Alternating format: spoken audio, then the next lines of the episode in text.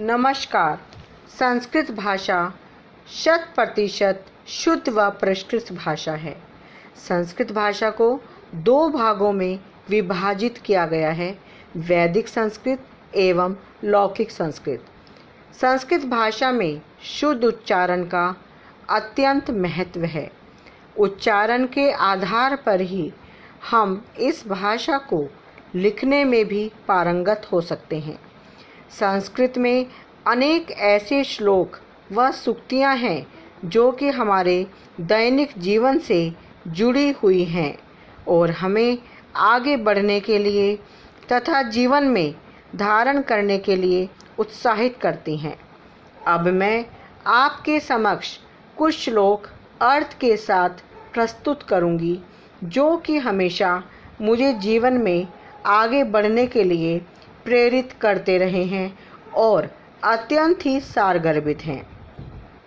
केयुरानी न विभूषयंती पुरुषम, हारा न चंद्रोज्वला न स्नानम, न विलेपनम, न कुसुमम अलंकृता मूर्धजा वाण्येका समलम अलंकृति पुरुषम, या संस्कृता धार्यते शीयन्ते खलु भूषणानि, सततम वाग्भूषणम, भूषणम, अर्थात मनुष्य को न बाजूबंद सुशोभित करते हैं, ना ही चंद्रमा के समान उज्जवल हार सुशोभित करता है, ना ही स्नान, ना ही विलेप, ना ही फूलों से सुशोभित बाल।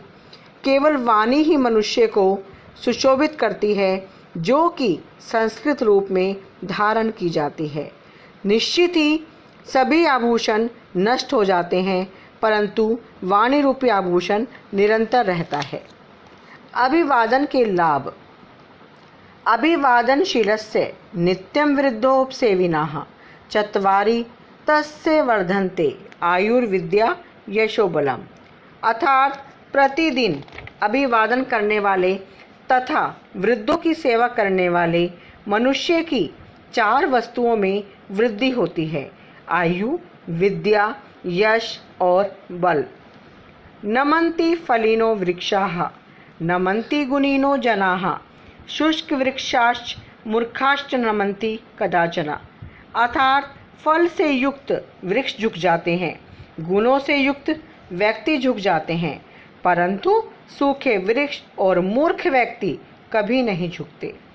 जाड्यम धियो हरति, सिंचति वाची सत्यम मनो उन्नति दिशति पापम अपाकरोति, चेता प्रसादयति दिक्षु तनोति कीर्ति, सतसंगति कथया किम ना करोति पुंसाम इस श्लोक के माध्यम से सत्संगति के महत्व को बताया गया है कि सत्संगति मनुष्य की बुद्धि की जड़ता को हरती है, वाणी में सत्य का संचार करती है, मन को उन्नत दिशा की ओर ले जाती है, पाप से दूर करती है, मन को प्रसन्न करती है, दिशाओं में यश को फैलाती है।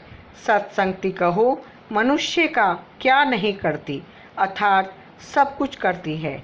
धन्यवाद।